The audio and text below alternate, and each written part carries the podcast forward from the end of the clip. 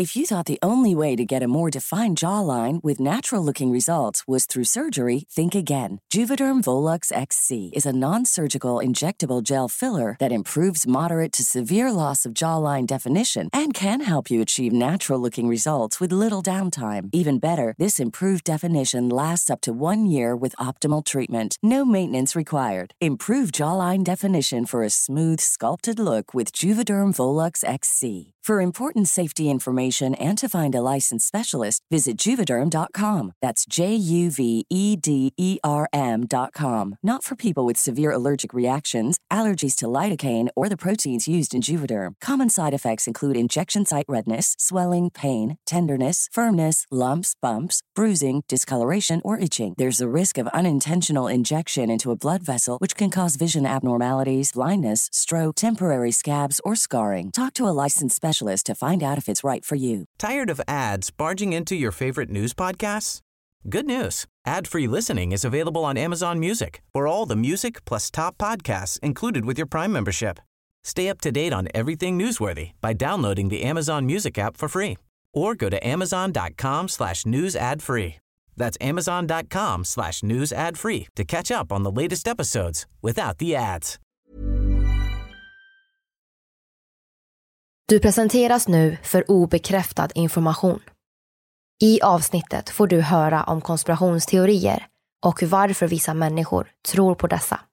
Var därför kritisk till materialet som bygger på fiktion, åsikter och vinklad fakta. Podcasten kan inte ses som en trovärdig källa.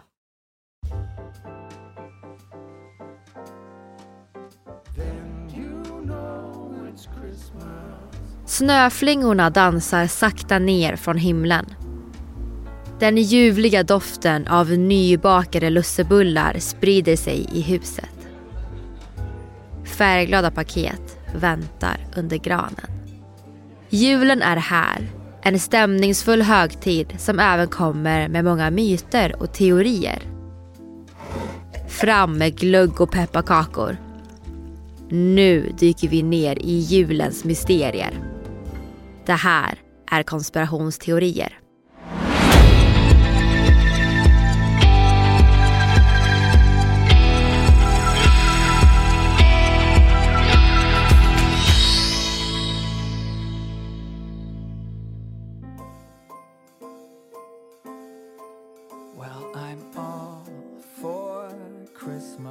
Hej och varmt välkomna till konspirationsteorier. Det är nu dags att komma in i julstämning så gosa ner er i soffan med lite varm choklad, glögg och julgodis. Jag heter Vivi. Och mitt namn är Aida. Och i det här avsnittet är inte vi era vanliga programledare. Utan vi är era julvärdar och vår julklapp till er är en special med massor av teorier om julen, om tomten och om julfilmer. Och den första teorin som vi ska ta upp handlar om Illuminati. Och vi har faktiskt ett gammalt avsnitt om Illuminati som ni jättegärna får lyssna på efter det här. Så det är bara att köa det. Där kommer ni att få lite mer perspektiv och förståelse om detta hemliga sällskap. Julen är en tid av kärlek och gemenskap. Samtidigt associeras juletider även med konsumtion. När julen står för dörren ökar konsumtionen överallt där det firas jul. Startskottet för julshoppingen sker oftast i slutet av november under Black Friday som följs av Cyber Monday tre dagar senare. Efter en stressig period av julbak, julmas och julklappar kommer mellandagsrean. Butiker pryds av gigantiska röda skyltar om nedsatta priser och den ena rabatten efter den andra. Julen beskrivs ofta som konsumtionens högtid med resor, julhandel och juldekorationer. Men enligt en konspirationsteori kan det här vara en utarbetad plan av ett sällskap som officiellt inte ska existera idag. År 1776 grundas ett hemligt ordenssällskap i Tyskland. Medlemmarna strävar efter att främja upplysningstidens ideal och kallar sig för de upplysta, eller på latin Illuminati. Sällskapet möts av förtryck och motstånd. Och bara några år senare går sällskapet under. Men med åren väcks allt fler och fler frågetecken om det hemliga sällskapet. Som med tiden utformas till teorier att de i hemlighet försöker att manipulera samhällen och forma globala händelser som gynnar deras syften. Det finns många konspirationsteorier om Illuminati och enligt en teori används konsumtion för att öka makt och kontroll över världen. Ett slags verktyg för att kontrollera och manipulera massorna. Vilket skapar ett konstgjort eller framställt behov som styr människors beteenden. Till exempel behovet att handla under mellandagsrean. Enligt teorin kan det här innebära att de skapar en efterfrågan på varor och tjänster för att öka ekonomisk makt. Och enligt teorin går vi rakt in i fällan. Det sägs att de använder reklam, populärkultur och symbolik för att påverka människor att konsumera. Enligt teorin behöver det inte nödvändigtvis handla om julen utan vilken högtid som helst.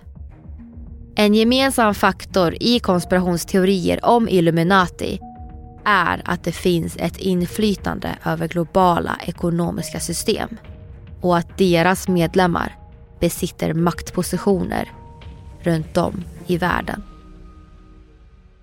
Mm. Det är ju jättemånga artister som tros vara en del av Illuminati. Precis.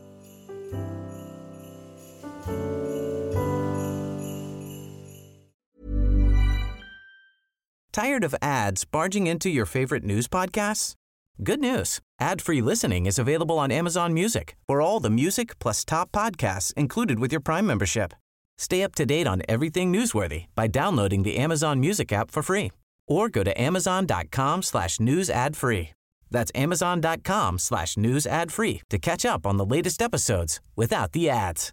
How would you like to look five years younger? In a clinical study, people that had volume added with Juvederm Voluma XC in the cheeks perceived themselves as looking five years younger at six months after treatment. Look younger, feel like you. Add volume for lift and contour in the cheeks with Juvederm Voluma XC. Reverse signs of aging by adding volume to smooth laugh lines with Juvederm Volure XC. For important safety information and to find a licensed specialist, visit juvederm.com. That's J U V E D E R M.com. Not for people with severe allergic reactions, allergies to lidocaine, or the proteins used in Juvederm. Common side effects include injection site redness, swelling, pain, tenderness, firmness, lumps, bumps, bruising, discoloration, or itching. There's a risk of unintentional injection into a blood vessel, which can cause vision abnormalities, blindness, stroke, temporary scabs, or scarring. Talk to a licensed specialist to find out if it's right for you.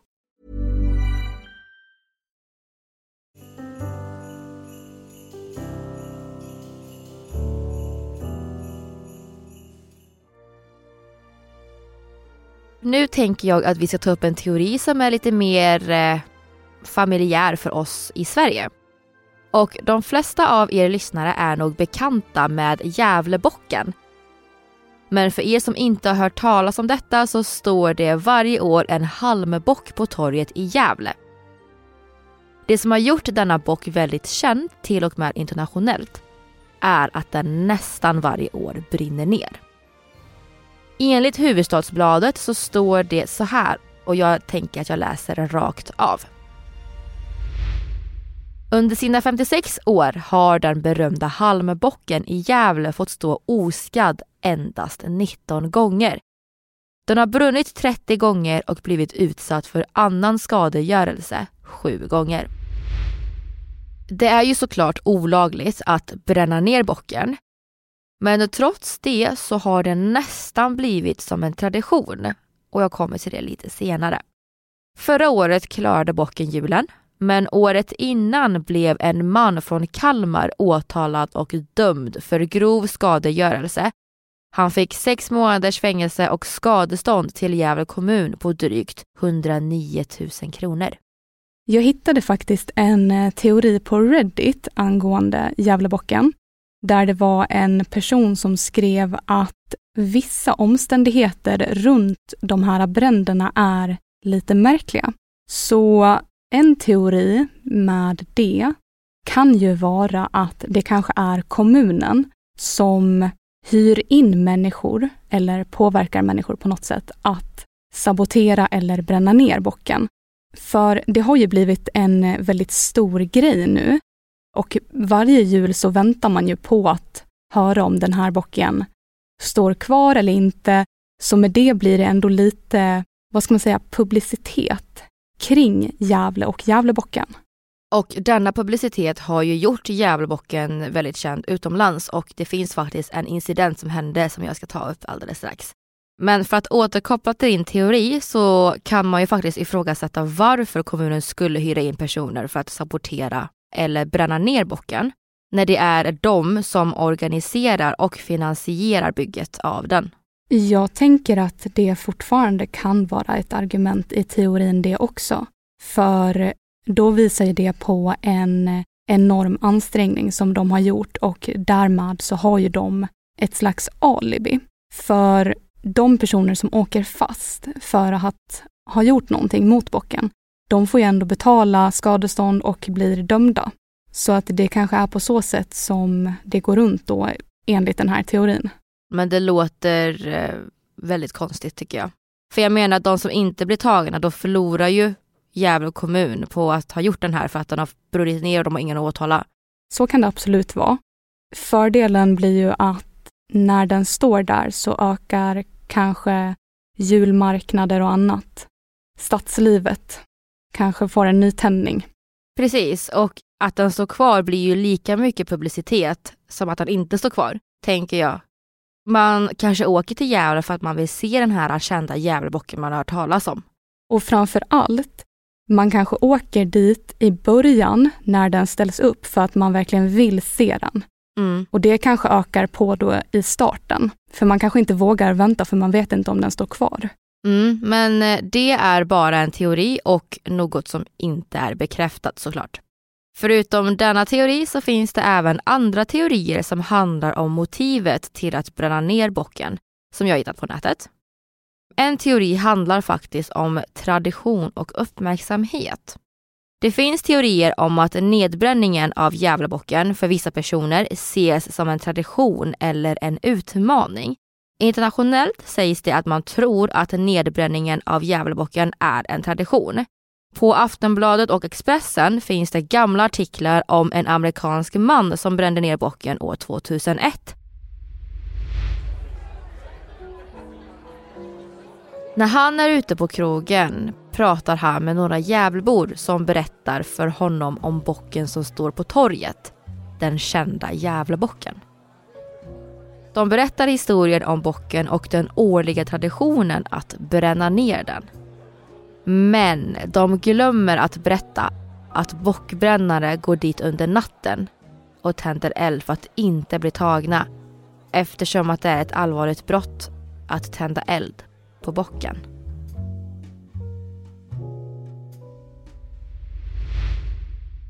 Om man ska tänka på det som en utmaning så finns det även en händelse som hände 2005 där det var två personer varav en var utklädd till pepparkaksgubbe och den andra till tomte som brände ner bocken med hjälp av en pilbåge med brinnande pilar. Det har ju verkligen blivit en grej att göra det här.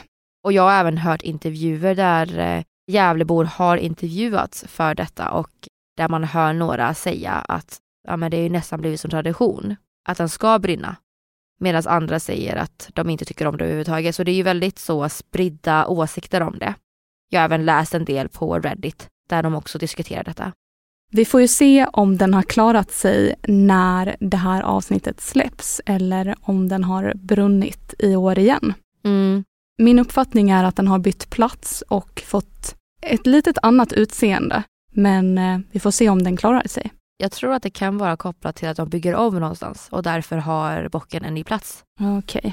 Men ja, alltså nu när vi spelar in avsnittet så är ju det uppenbarligen inte juletider än och bocken har bara varit uppe i två dagar. Så när detta släpps så kan det ju vara så att bocken kanske redan är nedbränd. Men ja. Vi får se.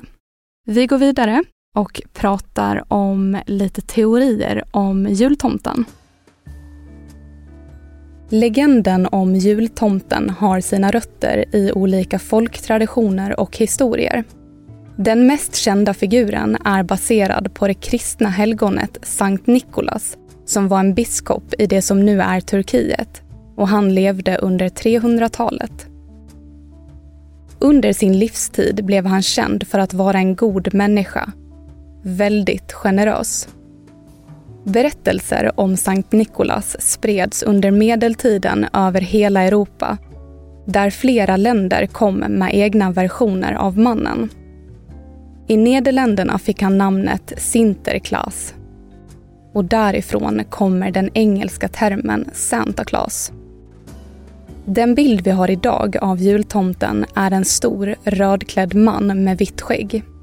Denna bild kommer dels från den amerikanska konstnären Thomas Nast på 1800-talet och Coca-Colas reklamfilmer från 1930-talet.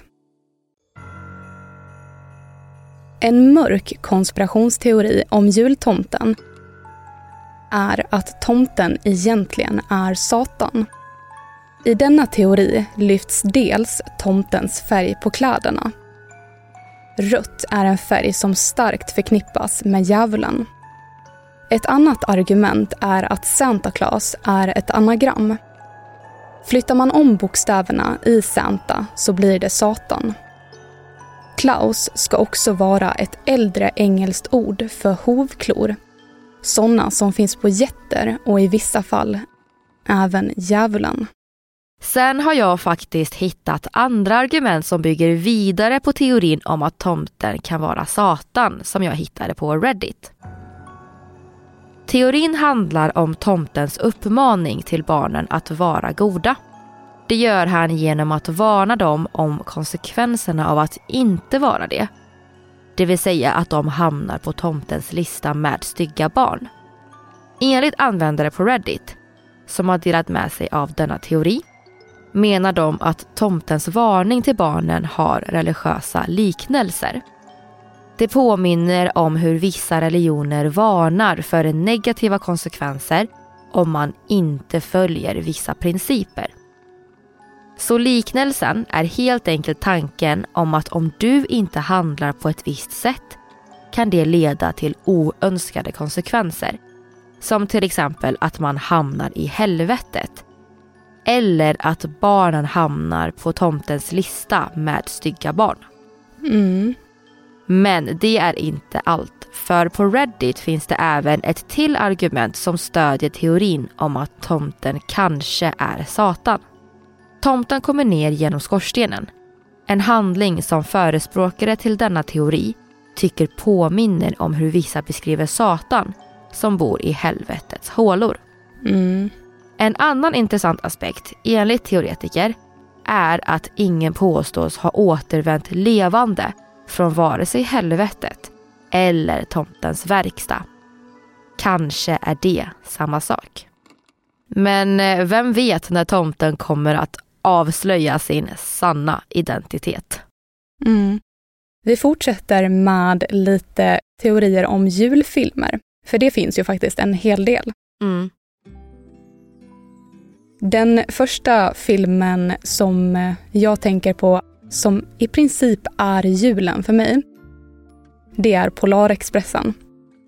Det finns ju då teorier, det finns teorier om typ alla filmer. Men i den här filmen så är det att tågresan i Polarexpressen representerar resan genom dödsriket. De olika karaktärerna symboliserar olika aspekter av döden. Mm -hmm. Det finns även en annan teori om den filmen.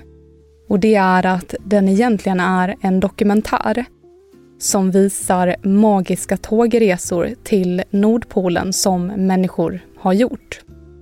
För i slutet av filmen så får man ju ändå se ett tecken på att det som har hänt under natten för huvudkaraktären har inträffat på riktigt. Men annars så finns det ju egentligen ingenting som tyder på att det har hänt. Det skulle kunna vara en dröm eller en fantasi bara. Ah. Det känns spontant som att det inte borde finnas någon som har kommit tillbaka från Nordpolen. Nej, jag ska tänka på detta när jag kollar på filmen, känner jag. Jag har en tredje teori om Polarexpressen som du kan tänka på också. Ja, ah, okej. Okay. Det finns en karaktär i filmen som vi inte vet så mycket om. Det är den hemlöse mannen som reser ovanpå tåget, på taket. En teori där är att han är släkt med konduktören och det är själva anledningen till att han är kvar på tåget. Men det låter ju jättehemskt att han reser i vintern ovanpå taket. Det måste vara superkallt. Hela den där tågresan är jättehemsk. Jag tycker, den ser ju väldigt rolig ut när man tittar på den men alltså de reser ju över på is över vatten och isen går ju sönder. Så att tåget liksom är ju nära på att åka ner. Men precis så klarar de sig. Och han, huvudkaraktären klättrar på taket och grejer och det är bara, det är bara stress. Jaha. Du måste titta på den här filmen. Ja, ja absolut, det ska jag göra. Tired of ads barging into your favorite news podcasts? Good news. Ad-free listening is available on Amazon Music for all the music plus top podcasts included with your Prime membership. Stay up to date on everything newsworthy by downloading the Amazon Music app for free or go to amazon.com slash news ad free. That's amazon.com slash news ad free to catch up on the latest episodes without the ads.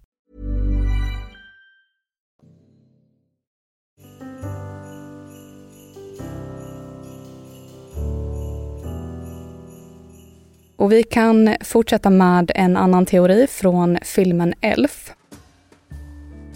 Det är att Buddy är en försökskanin i ett vetenskapligt experiment för att se hur en människa blir efter att den har vuxit upp bland tomtenissar. Ja. Det finns också en annan teori på den och det är att den här filmen är baserad på verkliga händelser. Så en person från Nordpolen har hamnat i New York. Men det beror ju på. Vi har ju även en annan teori från julfilmen Ensam hemma. Ni alla vet väl vem karaktären McCallister är? Det är ju han lilla killen Kevin. Teorin är helt enkelt att han egentligen är en psykopat. Mm -hmm. Teorin menar att filmens handling visar hans fantasier om att straffa andra människor. Han är i princip ett våldsamt barn och en teori som bygger vidare på denna är att Kevin växer upp och blir karaktären Jigsaw från Saw-filmerna. Ja, men han har ju ändå väldigt roligt när han eh, förstör för de här rånarna. Precis. Men sen finns det även en annan teori och det är att filmen är en slags utbildningsvideo från USAs regering med syftet då att lära barn självförsvar och hur de då skulle kunna skydda sina hem. Det känns väldigt typiskt USA. Att istället för att ja, tänka att vi eh, försöker bekämpa brottsligheten så lär man alltså upp dem att eh, kriga själva då. Och någonting jag tänker på är ju att det behöver ju inte vara just regeringen som har gjort utbildningsvideon utan det kan ju bara vara en regissör som tyckte att det här ska vi lära våra barn. Eller så har regissören blivit anställd av regeringen under ett hemligt projekt. Om man ska spinna vidare på det på det sättet. Mm. Och en sista teori om filmen Ensam hemma är om Kevins mamma. Nämligen Kate McCallister. Och det är att hon sålde sin själ till djävulen. Det vill säga Gus Polinski. För att hon då skulle kunna ta sig hem till Kevin. Mm. Teorin är ju då att Gus Polinski är djävulen och det är han som har ett band som ska åka iväg någonstans med en kärra eller vad det nu är de ska åka med. Och det är så hon följa med. Just det, ja. Men en intressant teori i alla fall. Det är det absolut.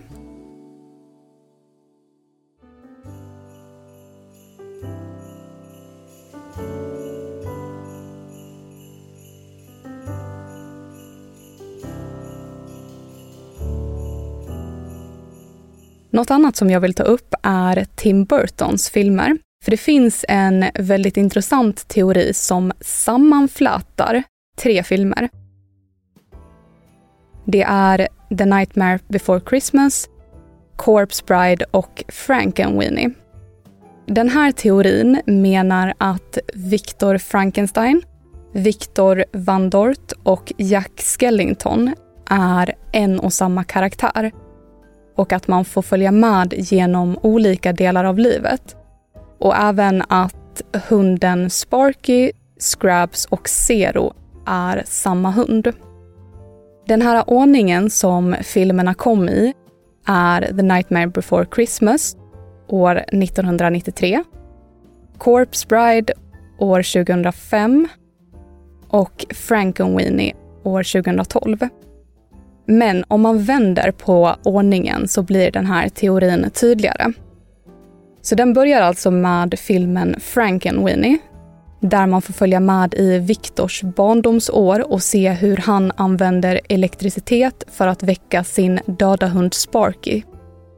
Och eh, han växer då upp, vilket leder till filmen Corpse Bride. Och då har Viktors hund Sparky dött för gott nu den här gången. Men han återuppstår som skelettet Scrubs.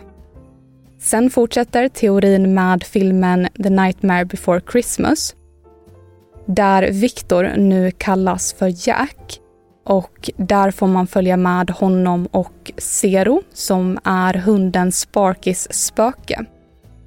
Så hela tanken med den här teorin är att man får helt enkelt se hundens resa från levande till skelett och sen själ. Aha. Men någonting som inte riktigt går ihop är att Zeros gravsten finns med i filmen Frankenweenie. Så det blir svårt att argumentera att Sparky, Scrabs och Zero är samma hund. Men det teorin fokuserar på är framförallt likheter hos hundarna. De har spetsig nos, de är lojala och de har ändå ett liknande hundskall och väldigt smala ansikten. Om man säger att ett hunds ansikte kallas för ansikte. Mm. Och om man tänker på karaktärerna Victor, Victor och Jack så ser man också väldigt många likheter i utseendet. Och det finns även en teori som är på samma spår men som menar att Victor och Sparky bygger en tidsmaskin. De reser då i tiden men råkar fastna i den engelska viktorianska tidseran. Tyvärr så har de då inget sätt att fortsätta med sina tidsresor. Och biverkningarna av att ha rest i tiden gör att han, Viktor, karaktären då, blir förvirrad och tappar minnet. Han minns sitt namn och att han har en lojal hund. Men namnet på hunden har han glömt bort så hunden Sparky får istället namnet Scrubs. Och Victor blir så småningom Jack Skellington. Och det skulle kunna handla om att han eh, vaknar upp i skelettform och minns vad som hände med Scrubs. Och sen då döper han om hunden till Zero, vilket skulle kunna vara för att det inte finns någonting kvar av hundens fysiska kropp längre. Ja, och zero betyder ju noll det vill säga inget. Ja. Sådana teorier tycker jag är roligt när man sätter ihop film. Det är som våra Pixar-teorier, det är också roligt. Ja, och en, eh, en del i detta blir väl att det är ju Tim Burtons filmer, så de är ju väldigt lika varandra i typen av film. Han hade säkert en liten sån, att det här ska vara ett litet så, att de påminner varandra. Mm. Men superintressant. Jag har även en sista teori om karaktärer från film eller serier.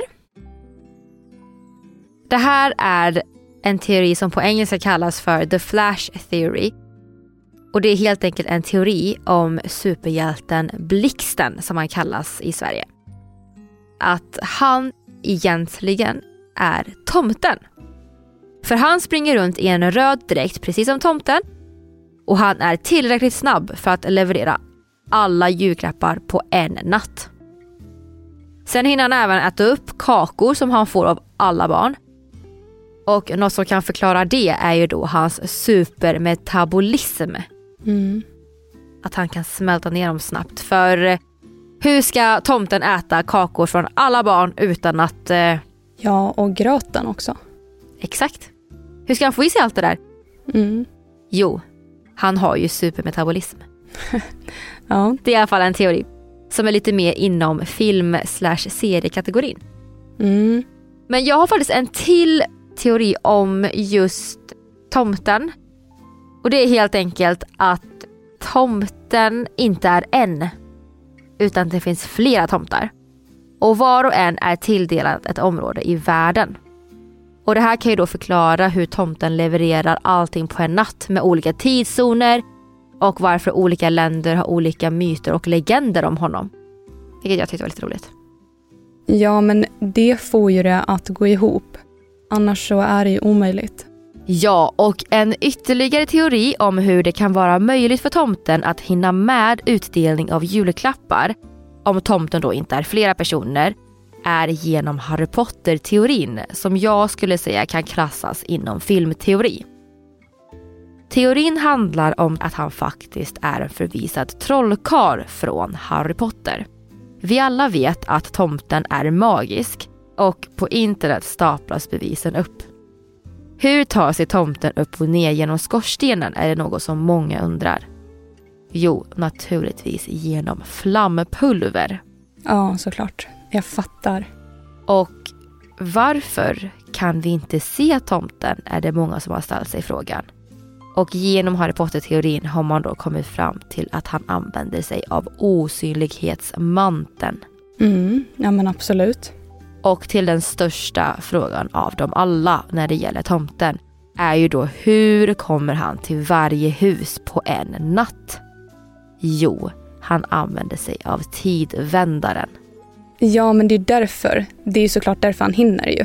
För att i och med att han är hos olika personer så eh, kan han ju alltså vrida tillbaka tidvändaren hela tiden. För att han kommer ju inte vara där ju. Exakt. Men jag tänkte också på det genom den här Harry Potter-teorin nu då. Att eh, han behöver ju inte själv åka och lämna paketen. Även om man då har flampulver så att han kan ta sig till alla skorstenar. Så har han ju kanske också då en trollstav.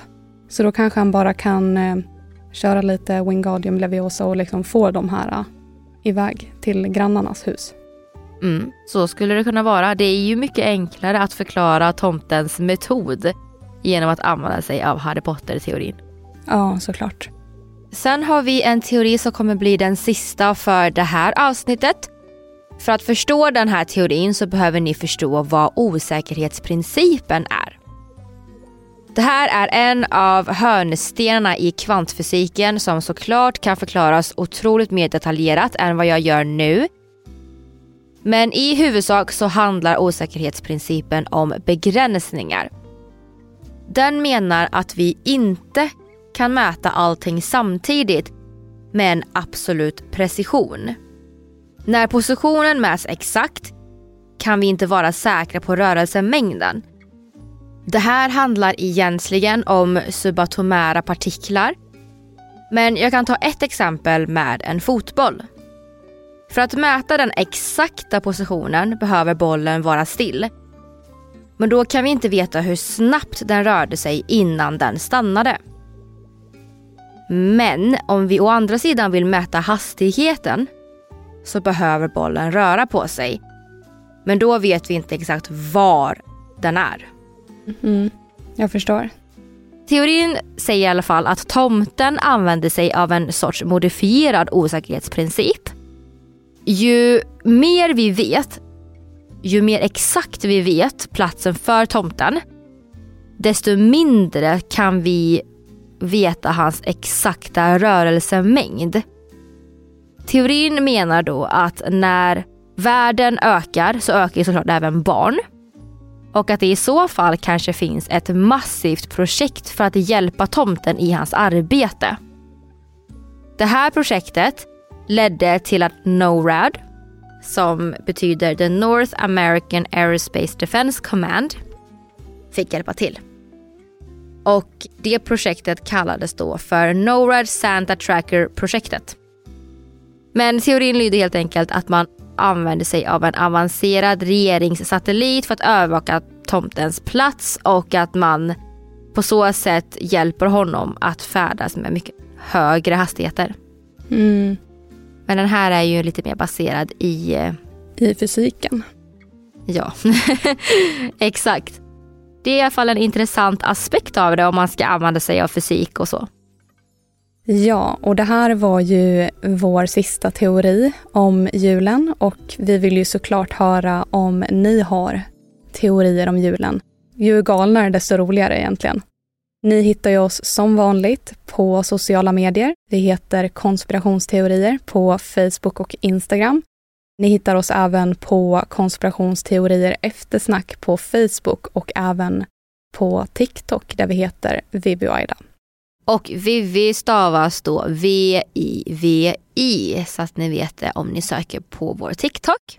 Nästa vecka kommer vi att gå igenom intressanta saker som har hänt 2023. Allt från ufos till vem som ligger bakom mordet på Tupac Shakur då nya uppgifter har kommit till ytan. Så vi hörs i nästa avsnitt fredag den 29 december. Tills dess så har ni ju alla våra gamla avsnitt att lyssna på och med det så vill vi önska er en riktigt god jul. Och att ni får en riktigt fin helg. Ta hand om er och ta hand om varandra. Hej då! Hej då!